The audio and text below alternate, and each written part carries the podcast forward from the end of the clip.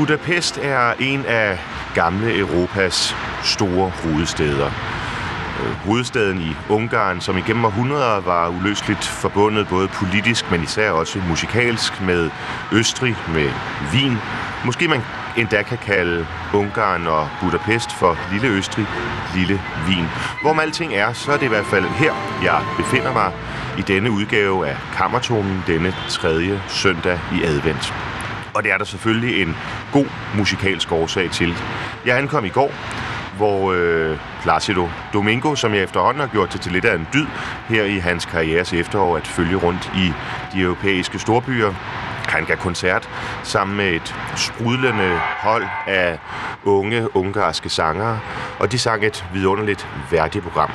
Jeg havde ovenikøbet det privilegium at øh, møde maestroen efter forestillingen og sige tak for alt, hvad han har gjort. Men nu er jeg her på vej ned ad en af Budapests store boulevarder for at møde en dansk komponist, der er bosiddende her i Budapest. Nemlig Daniel Fladmose, som er født og opvokset i Odense, men som bor her i byen sammen med sin hustru og sit lille barn. Jeg var med netop ham i operan i går, i den smukke gamle opera her i byen, og glæder mig til nu om lidt at mødes med ham på den gamle café, skulle det være. Jeg har ikke været der før, som øh, han sidder og komponerer sine værker ud fra. Så følg med i øh, denne lille radioreportage fra Lille Wien, fra Budapest, en af de smukke, gamle, klassiske byer i, øh, i Europa, og ikke mindst ind i en dansk komponists virke og forståelse af både sig selv og musikken, netop med base her fra Centraleuropa.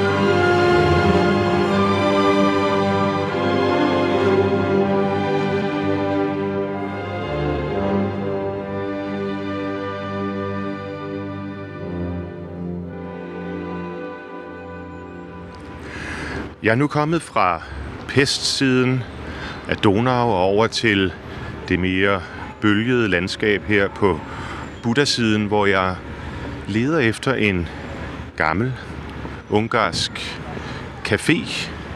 August Sukastra skulle den hedde. Antagelig fuldstændig ødelagt under den kommunistiske tid, men sidenhen genopbygget af den familie, som igennem rigtig, rigtig mange år har øh, ført netop det her sted, som øh, efter sigende skulle minde om Latlas hjemme i København. Jeg tror faktisk, jeg er ved at være her nu. August Sukrashta står der her på et stort skilt. Alapitat Hot 1870. Det må betyde grundlagt i i 1870. En stor glasdør byder mig velkommen her med juleblomster og græntræer, og jeg går ind, hvor der er en stor bod, som øh, pigerne står bagved og ivrigt pakker kager ind her. Kager udformet efter alle kunstens regler, som nisser og de hellige tre konger, snemænd og ja, helt almindelige chokolader. Det er et overvældende juleorke, vil jeg næsten sige her, som ovenikøbet lige suppleres af også huset Champagne Bernard Massard, metode traditionel. Og jeg forstår, at øhm, på din unge dames gestik her, at jeg skal gå op ad trappen, hvor jeg nu bevæger mig op. Man ser gamle malerier, formodentlig af familien, som jo har drevet det her sted siden 1870. Og her for toppen af trappen, der sidder min gæst i dag i et om muligt endnu større orgie af juleudsmykninger og chokolader. Og hallo. Og øh, også en disk, hvor man kan købe kaffe. Og kaffe, det er netop, hvad du har købt, Daniel Fladmose. God formiddag, Morten. God formiddag, og tusind tak, fordi du vil mødes med mig her i, i hvad der jo så nu er din by, øh, Budapest. Øh, I virkeligheden så tænker jeg, at det er jo Buddha, der er min by. I Pest. Ja, fordi det er to byer i et, eller hvordan? Jeg tror, de fleste danskere opfatter Budapest som en størrelse, men, øh, men vi er på Buddha-siden nu, øhm, og der er en distinkt forskel. Ja, det er der jo. Altså, øhm, Donauen, den deler Budapest i, i Buddha og, og Pest, og det har jo også... Øh, øh, Romeriet deltes jo her ved floden, så det var, det var rigtig svært at indtage Buddha-delen, som du kan se, så er der mange bakker på den her del. Det er svært at, svært at indtage det. Og så det er det ikke kun geografi, det er faktisk også øh, historie, der, øh, der skiller øh, byen, byen her. Og den café, som vi sidder på, emmer jo også af historie.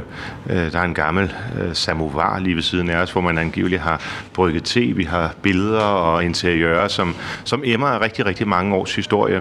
Øh, prøv at sige lidt om, hvorfor det er her, du har valgt at, at arbejde. Jamen, jeg, faldt, jeg, jeg blev forelsket i stedet... Øh Første gang jeg kom her for en, en 6-7 år siden, øh, jeg har altid arbejdet på caféer. Jeg har altid været meget inspireret af, af, af lyden af, af mennesker, der, der snakker sammen. Og, øh, menneskelige, alle mulige former for menneskelige interaktioner og lyden af det. Øh, det, det, er meget, øh, det er meget berigende. Øhm. Det er ikke forstyrrende, jeg tænker, sådan folk, der knævrer, og kaffekopper, der klirrer, og børn, der skriger, fordi de vil have chokolader og så videre. Det er ikke noget, der forstyrrer dig i dit virke? Nej, nej, det inspirerer mig, og så kan man jo sige, hernede, der forstår jeg ikke, hvad det siger endnu. Øh, så det bliver, det bliver jo nærmest en, en, en musik, men, men der er ikke baggrundsmusik herinde. Øh, og det er, jo, det er jo svært at inddrive en, øh, en café efterhånden, hvor der ikke er baggrundsmusik. Og, øh, og de, de tunge marmorbord er, er simpelthen så hyggelige at sidde og skrive på. Der er i hvert fald masser af stemning i, øh, i lokalet her. Hvordan tog folk imod dig, øh, da en dansk ung komponist kom ind og sagde, må jeg få lov til at sidde her og skrive min musik? Jamen, der er jo en, der er en umiddelbar respekt hernede for, for kunstnere og komponister. Øh, så da de så mit nodepapir, så, så kunne jeg se øh, i deres øjne, at de, åh, det her det er, jo, det er jo interessant, og du skal da have en kop kaffe mere, og og, og siden da, der er jeg simpelthen for lov, og jeg, kom, jeg kommer bare ind, jeg har ikke nogen regning. Øh, jeg får, får faktisk alt serveret. Så der er en enorm generositet og måske også respekt over for især kunstnere her i, i, øh, i Budapest. I, øh, man kan vel godt... Er det, er det fornærmende at sige, at Budapest er en slags lille vin, sådan historisk, musikalsk set? Ja, altså Wien og, og Budapest var jo også meget nært forbundne. Øh, komponisterne besøgte byerne på, på kryds og tværs. Øh, i virkeligheden er det jo også andre byer hernede i Ungarn. Øhm, for eksempel Haydn, han boede på et slot. Øh, en lille flække, jeg vil ikke engang sige byens navn, fordi det er ingen, der vi kender. Øh, men, men der er jo ikke mange, der ved, at Haydn boede 30 år hernede i Ungarn, selvom vi forbinder ham som en, en, en vinerkomponist. Og måske fordi netop på det tidspunkt, ligesom Danmark-Norge i 300 år hang sammen, jamen, så var der ikke nogen, der på den måde tænkte, at der var den store forskel mellem, øh, mellem øh, ja, Ungarn og, og Østrig. Fornemmer man, øh, Daniel Fladmose, fornemmer man også den sjæl i dag? Jeg mener, der er jo gået rigtig mange år siden Første Verdenskrig. Vi har haft øh, kommunisttiden, som var et mørkt kapitel for, for især Ungarn selvfølgelig. Kan man mærke det i, i stemningen i folkesjælen hernede? Ja, altså der er nærmest en grad af, af, af væltsmert hernede, altså en, en nedtrykthed. Øhm, og, og det er måske også en af grundene til, at man kan holde ud og sidde på sin café, er i virkeligheden, at folk de, de visker jo lidt på ungarsk. Jeg ved ikke, om du har lagt mærke til det nu hernede. Folk øh, taler meget sagte. Og det, det er nogen, der påstår, at det måske kan have noget at gøre med, at man, man har skulle gemme sig lidt for KGB-agenterne. Ja. Øh, eller naboen, der anmelder en for et eller andet. Øhm, så det er meget introvert øh, folk. Og øhm, det er også meget sigende, at caféen her, øh, da, da vi havde coronatiden, der lukkede Ungarn meget mere ned, end, end vi gjorde i Danmark. Og der var det ikke tilladt at gå på café. Det var faktisk ulovligt. Øhm, men de husede mig alligevel. Jeg fik nøglen til caféen og sad i ensomhed henne og skulle holde mig fra vinduerne, så, så man ikke kunne se mig ude fra gaden. Så du fik lov at bruge det som dit arbejdsværelse, dit, dit studie? Ja, lige nøjagtigt. Og det er nemlig en ting, som øh, i 2. verdenskrig, der var det her sted, øh, der blev det jo der blev det bombet af både øh, russere og allierede. Altså her, hvor vi sidder? Ikke lige her, hvor vi sidder, men, men, men det samme øh, konditoris familie øh, øh, sted. Og, øh, og der måtte man heller ikke gå på café i 40'erne. Men, men de husede alligevel kunstnere. Ah, okay. Så der er en historisk er sammenhæng. Ja, ja. Fantastisk. Vi hørte øh, lige her til, til indledningen den ungarske komponist, nu håber jeg, jeg taler det rigtigt, Kuladi? Kodai. Ah, okay. Soltan, Soltan Kodai. Sådan, sådan. Hvad betyder han for dig? Kan man mærke den her lidt øh, forsagte ungarske selvforståelse i øh, hans musik?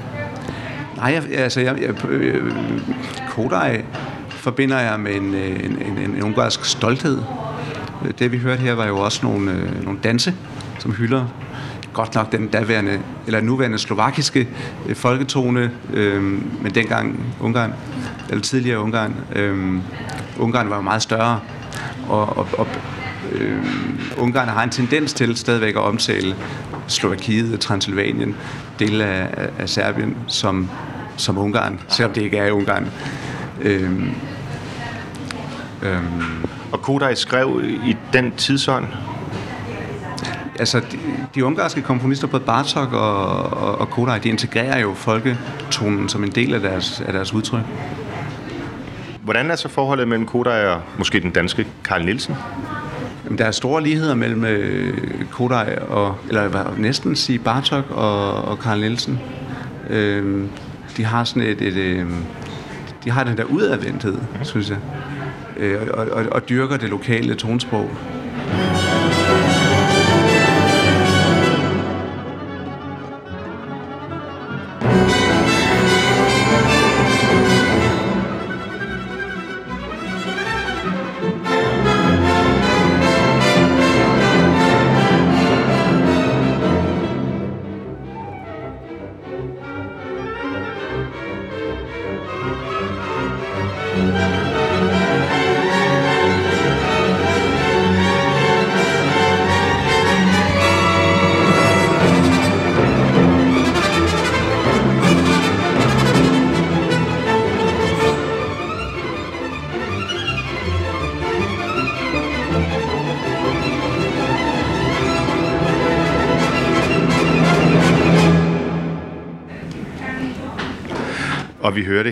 Kodai Dances of Galanta. Jeg ved ikke, hvad det hedder på dansk, jeg ved ikke, hvad det hedder på ungarsk, så det må altså blive på, hvad der står her. Det er på engelsk.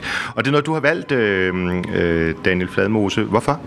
Fordi Kodai er, er jo indbegrebet af, af, af ungarsk musikkultur, også i dag. Han var en, en, en sjov skikkelse, en, øh, en øh, komponist, primært komponist, som også blev øh, kulturminister i Ungarn. Under hvilken periode, fristes jeg til at spørge? Det, det kan jeg ikke huske, Morten. Men under kommunisterne, ikke? Ja, under, under kommunisterne, ja. Og, og, og det, er jo, øh, det var jo et meget øh, autokratisk styre, kan man sige. De, de kunne bestemme meget ovenfra. Og, og, og det så øh, Kodai som sin anledning til at implementere nogle, øh, nogle øh, musik, øh, musikpædagogiske metoder, som i dag kaldes Kodai-metoden, i alle skoler i Ungarn. Og, og det kan man stadigvæk se i dag. Altså, almindelige ungarer, de kan, de kan jo transponere noder, simpelthen. Al, altså, det er utroligt, hvad, hvad det lærer hernede. Så hvis du stopper den jævne ungar på gaden, vil vedkommende kunne finde G'et i et nodesystem? Ja, der er en sjov historie, hvor jeg, jeg, vi, jeg havde en flyttemand, der var ungarsk, i forbindelse med, at jeg flyttede herned til Ungarn. Og da jeg sad i vognen med ham, der, der spurgte jeg ham så sådan, jamen, hører, du, hører du aldrig musik, når du, når du nu kører de her lange distancer? Og så sagde nej, det er, jeg er ikke så musikalsk. Så, Nå, altså, jeg havde ellers hørt, at, at de havde god undervisning hernede i skolerne. Og sådan. Nej, han var, han var ude fra, fra, fra provinsen, og han havde en dårlig musiklærer, og det var ikke så godt.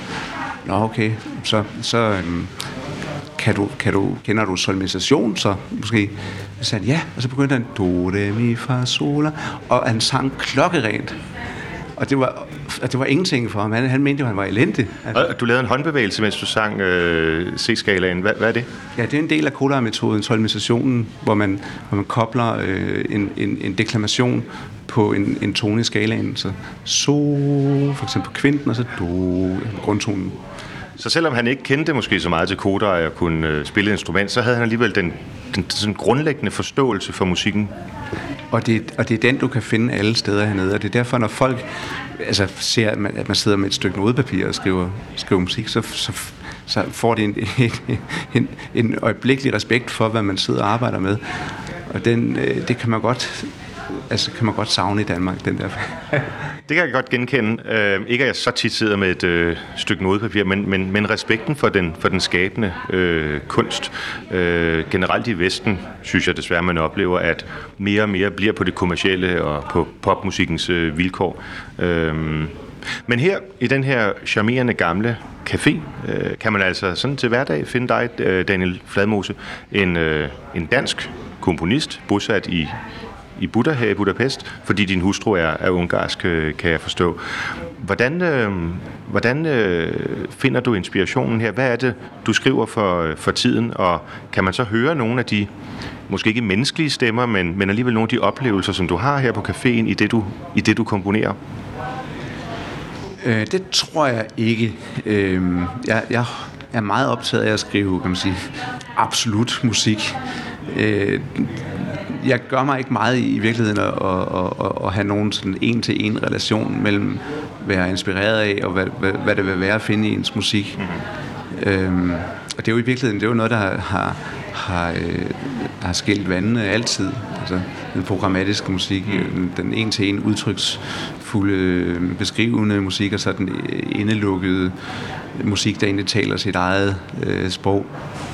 Men det er jo klart, at der er nogle, der er nogle impulser hernede fra, øh, he, altså man kan sige, det, det at jeg kan sidde i ro og med i de rigtige omgivelser, det, det, det, det har jo en helt klart en afsmittende virkning. Øh, jeg er ved at skrive et, et, et værk lige nu til øh, Dyssegårdskirken i nord for København, hvor vi laver en, øh, en kantate øh, til øh, en libretto af Christiane Mosin. Øhm, det kan man. For, for a cappella kor, eller for orkester, eller hvordan? for, for stort kor og et, og et cantata-orkester, øh, lige, lige Bachs orkestre øh, og Aarhus. Øh. Er det så til en bestemt anledning? Nu sidder vi her i tiden kort før jul, øh, men en kantate, ja, altså Bach skrev til hver søndag. Er der en bestemt anledning her, eller, eller hvad er udgangspunktet for librettoen? Udgangspunktet er historien om den blindfødte fra Matteus evangeliet. Øhm, den blindfødte øh, tigger, mener jeg det var, som, som får øh, kastet mudder i ansigtet og, og pludselig kan se. Øhm, det har vi valgt som udgangspunkt for det. Og hvordan, øh, hvordan bygger du det op? Nu kommer der lidt andre folk her på caféen, de skal være meget velkomne. Det er trods alt et sted, der er nær sig ved at sælge, så det man må gå ud fra, at kunder er kærkommende. Øh, hvordan, er, hvordan er sådan en kantate bygget op øh, for dig? Hvor mange øh, satser er der, og øh, begynder du fra begyndelsen, når du komponerer, eller bliver man grebet af en idé og kan pludselig sige, det her det passer godt til syvende sats, eller hvordan, hvordan griber man det an, når man får en libretto? Jamen, altså, inspirationen kommer 100% fra librettoen. Og på en eller anden måde, så handler det om for mig, at, øh, som, jeg, som jeg nævnte før, at jeg tænker meget absolut omkring musik. Øh, jeg interesserer mig e-, egentlig ikke for meget om at, at, at udtrykke øh, handlinger i, i mine toner. Det, det vil jeg egentlig hellere lade teksten om. Så det handler om for mig ikke at, at forstyrre librettoen mest muligt. Kan man sige. Så at jeg får librettoen, så, så vil jeg interessere mig for med det samme. Jamen, hvordan, hvordan kan jeg egentlig lade den tale øh, klarest og tydeligt, uden at jeg ødelægger den. og det vil man kunne opleve i, i Dysegård Kirke til øh, september 2024. Men et af de værker, øh, Del Fladmose, som man allerede har kunne opleve af dig, det er øh, din marimba-koncert. Et, et, et instrument, som man ikke ser så ofte anvendt som soloinstrument. Og vil du sige lidt om, om den koncert? Det var min gode ven Anders Kan Elten, som er en af de dygtigste marimba-spillere, der findes. Det, det tør jeg godt sige. Øh, også selvom jeg ved, at han ikke selv vil, vil, vil stå ved det. Øh, han, han har udviklet nogle nye øh, teknikker, som han kan spille marimba øh, med. Han kan, han kan spille ekstremt hurtige toner, og han kan spille ekstremt polyfont. Og, og det, står, øh, det står i stor kontrast til den, den traditionelle brug af marimba, som er meget akkordbaseret. Den er meget, meget vertikal, kan man sige. Øh, den, den, er, den, den har ikke rigtig fundet sin plads i klassisk musik endnu. Øh, den har sine rødder i, ja, nogen vil mene i, faktisk i Afrika, og andre i, i Mellemamerika. Sandheden er nok, at den dukkede op lidt begge steder. Øh, jeg har hørt historier om, jeg mener i Afrika, at man gravede nogle huller i jorden og lagde nogle træplanker henover og stod på det, og så gav det jo en resonans fra, fra jordbunden. Men, men det er lige præcis den der altså, resonans af træ, jeg synes er så smuk på Marienbanen. Og, øh, den, den store klangrigdom øh, og variation i øh, forskellen på, på køllebro, altså de, de, de helt bløde køller, kan jo give en fuldstændig himmelsk klang. Øh, og gummikøllerne en, en helt anden, øh, nærmest øh, mere menneskelig klang. Øh, der sad jeg heroppe øh, i, i caféen, kan jeg huske. Og Anders havde, øh, han øh, skulle øh, modtage en pris, øh, P2-prisen, og øh, have skrevet en koncert for Marimba og Symfoniorkester. Og vi havde ikke særlig lang tid til det, så jeg, jeg sad her og stirrede i luften og tænkte, hvad, hvad fanden gør jeg?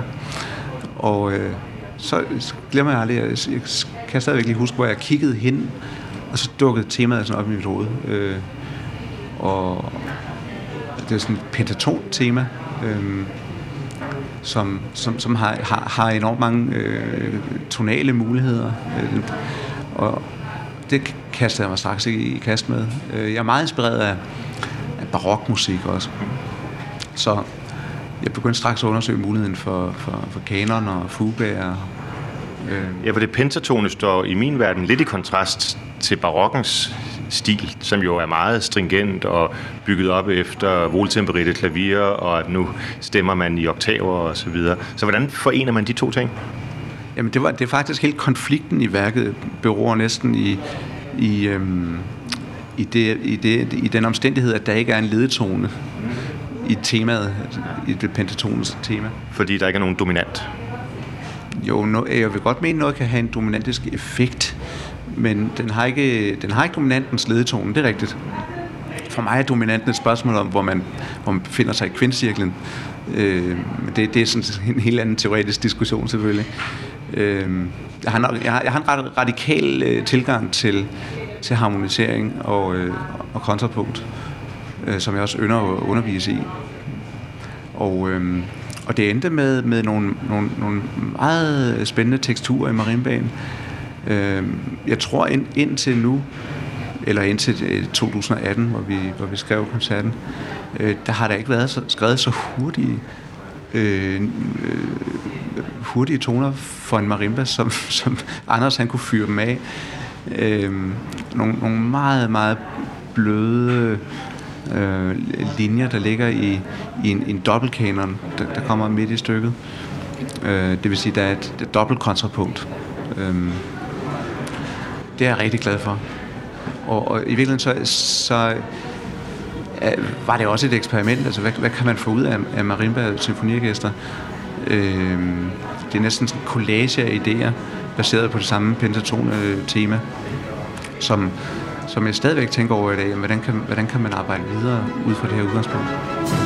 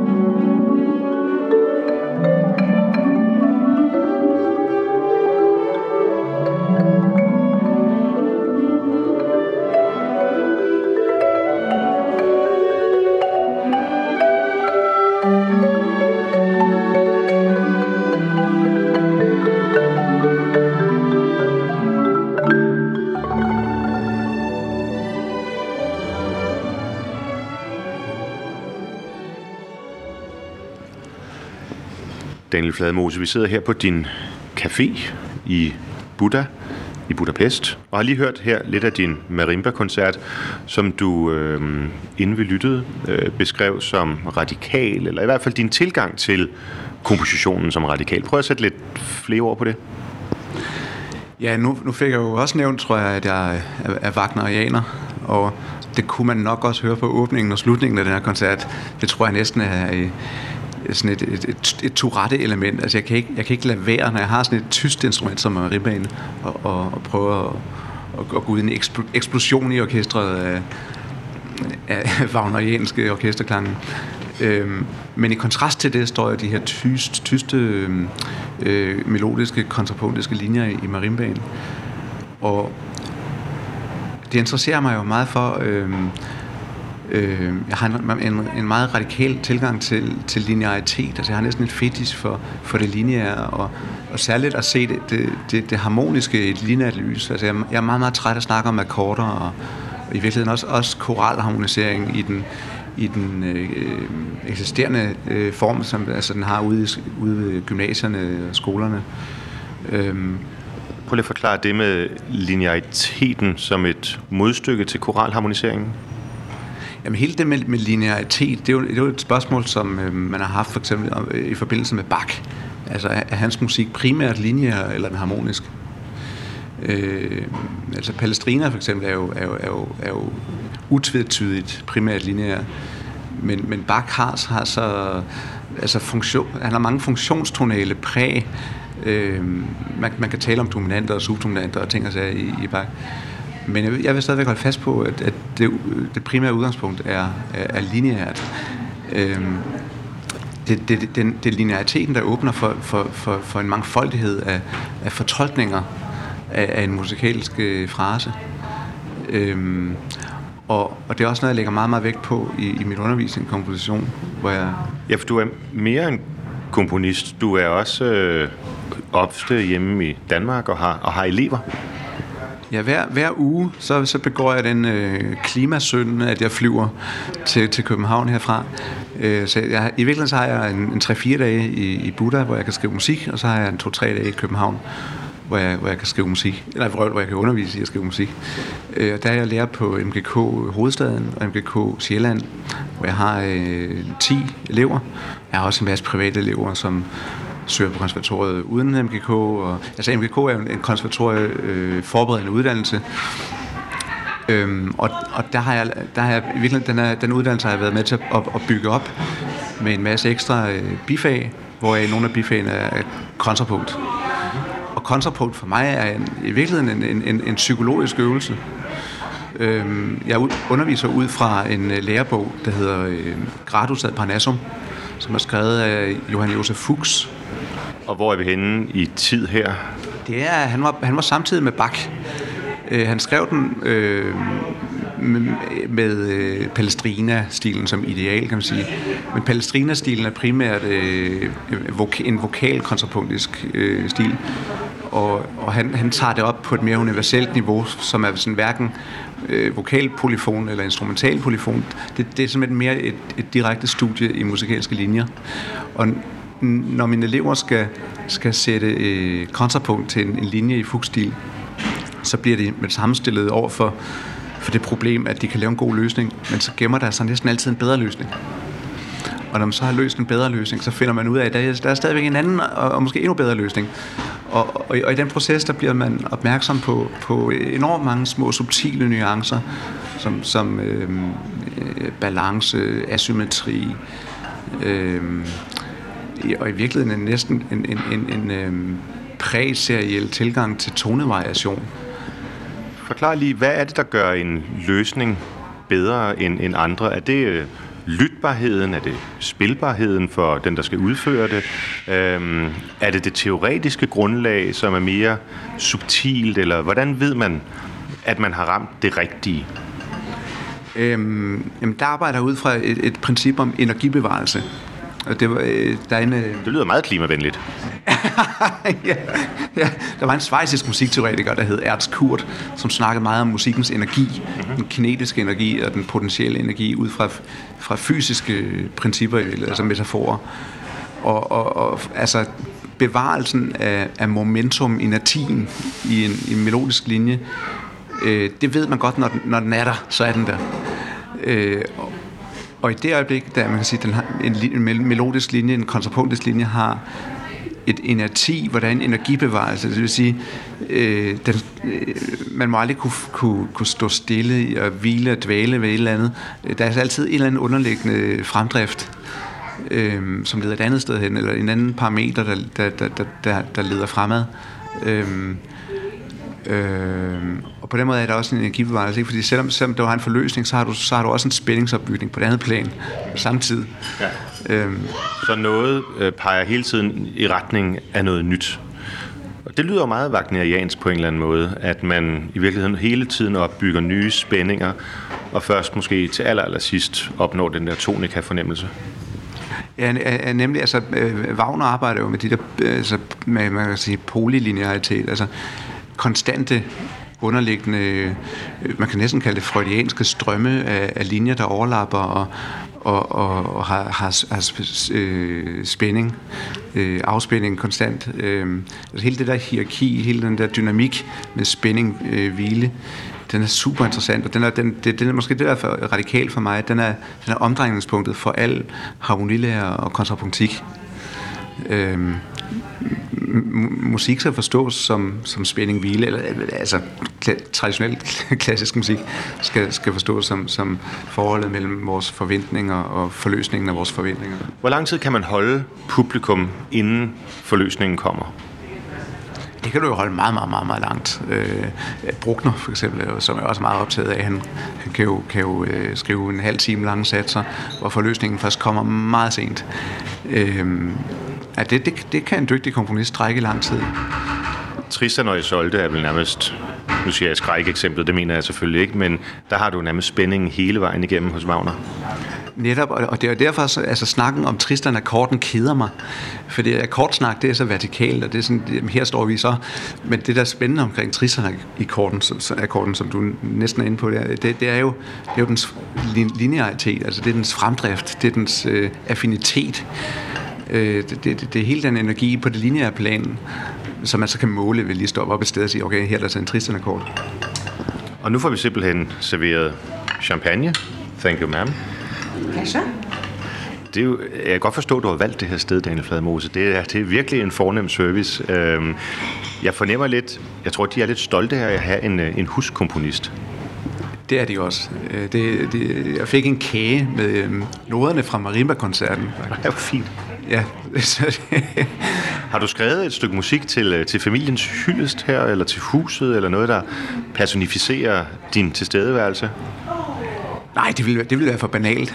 Det, det, det kan jeg ikke få mig til. Øhm, det, kan, det kan da godt. Det kan, skal jeg da ikke afskrive. Altså jeg vil sige, det kan godt være, det er banalt, men der er jo altså, Beethoven og Haydn og så videre. De har jo skrevet masser af, af hyldest øh, musik, så øh, jeg tror da, at øh, familien August her vil være tilfredse med en lille, bare, måske bare en lille sonate. Det må jeg jo det må jeg jo skrive til dem. Øhm, jeg har, jeg har planer om at arrangere nogle danske koncerter hernede. Øh, måske få noget Karl Nielsen hernede. Jeg er ret sikker på, at øh, publikummet hernede, det meget engagerede publikum, der jo er i, i Budapest, de vil øh, sætte pris på. De kender ham ikke så godt hernede, mm-hmm. Karl Nielsen. Nej. Jeg synes, vi skal tale lidt om det engagerede ungarske publikum om lidt, men nu har vi kredset om, om Wagner, så vi kommer ikke udenom lige at høre lidt af den store tyske mester.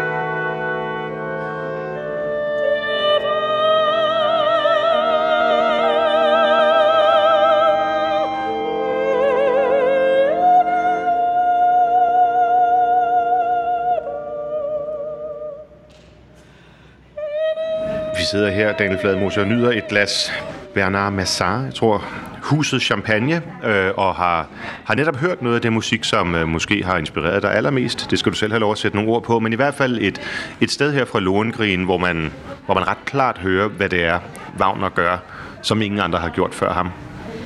Ja, altså øh, Wagner, han, han skriver jo librettoen ind i partituret. Øh, og det er jo, det er jo øh, altså jeg har, det, jeg har det problem med for eksempel Verdi, som, som vi var inde og høre i går, at, at jeg ikke altid kan fornemme i, i orkestret, hvad det er, der foregår på scenen, eller, eller hvad der foregår i, i handlingen.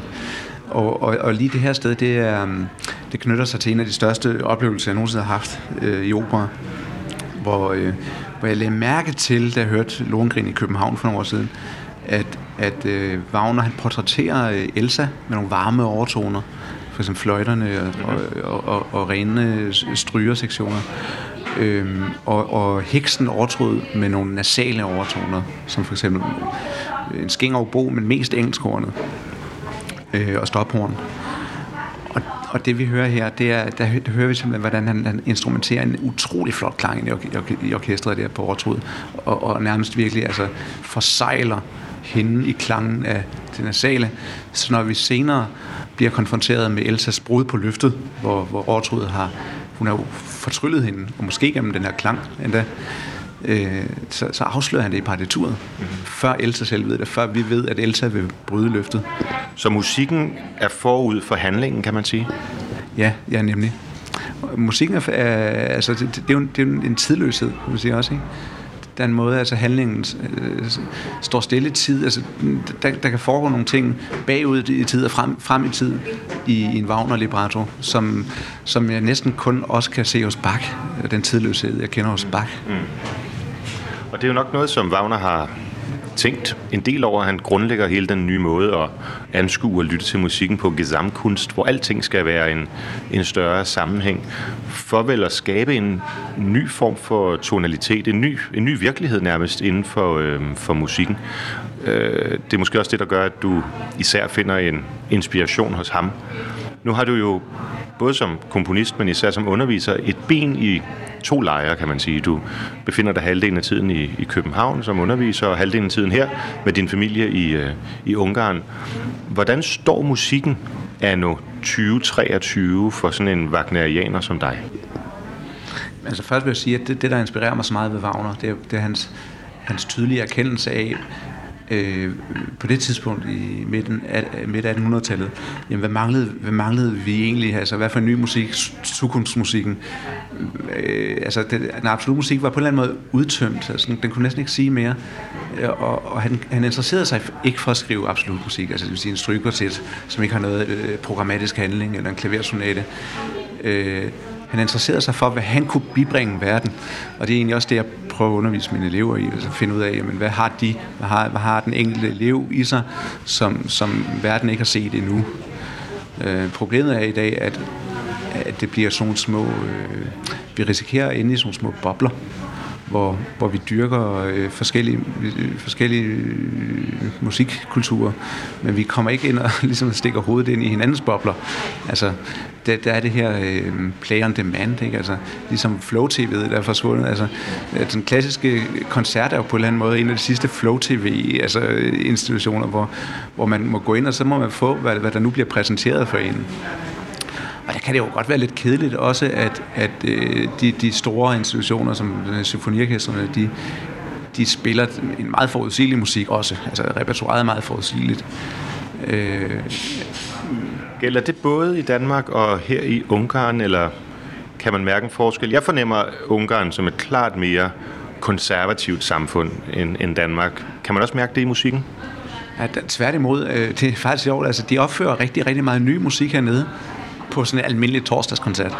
Og det er jo noget, vi, vi, vi, vi har sådan nærmest lidt akavet øh, udfordrende forhold til i, i, i, i Danmark, hvor vi nærmest altid vi står på, banker på døren hos symfoniorkestret. Altså, hvorfor, hvorfor opfører I ikke vores nye musik? Og det er jo, og det, er jo, det er jo det grundlæggende spørgsmål, altså hvad, hvad, hvem henvender den her nye musik i dag sig egentlig til? Altså henvender den sig til det her lille publikum, som er super nysgerrige og, og grænsesøgende. Øh, det, det, altså det, det kan godt afholde mig lidt samtidig fra at skrive øh, musik til nogle koncerter, hvor jeg godt ved, okay, nu kommer der den sædvanlige skare, som godt kan lide musik, og øh, så kan vi snakke lidt med hinanden. Men hvordan, hvordan bryder man den der barriere? Hvordan kommer man ud og snakker med, med, med den almindelige dansker, eller den almindelige ungar? Og, og, og det bliver sværere og sværere og sværere, fordi vi i dag bare kan vælge, hvad vi egentlig gerne vil have. Og vi bliver på den måde ikke rigtig udfordret, nogen af os. Men, men min bekymring er, og det er sådan set en del af problemet, kan jeg sige, fordi hele den her udsendelsesrække i Kammertonen er bygget op omkring musik, der findes på Spotify, men min, min udfordring er, at når man går ind på Spotify, jamen så er det jo meget det samme, man bliver bekræftet i. Det er meget sjældent, man ligesom bliver, bliver udfordret. Hvorimod i gamle dage, da man havde en CD-samling, jamen så kunne man da gå hen og sige, hov, den der, det er længe siden, jeg har hørt den. Så, så hvordan bryder vi den øh, modernitet, tror du? Det har jeg ikke et svar på. Det tror jeg, jeg kender ikke nogen, der har et svar på det. Øh, det er, det er øh, sådan et, et, en elefant i vores øh, koncertsal, som, som alle godt kan se, men som ingen snakker om. Vi bliver nødt til at nedbryde nogle strukturer også, tror jeg. Vi bliver nødt til at få musikken ud, altså på gaden.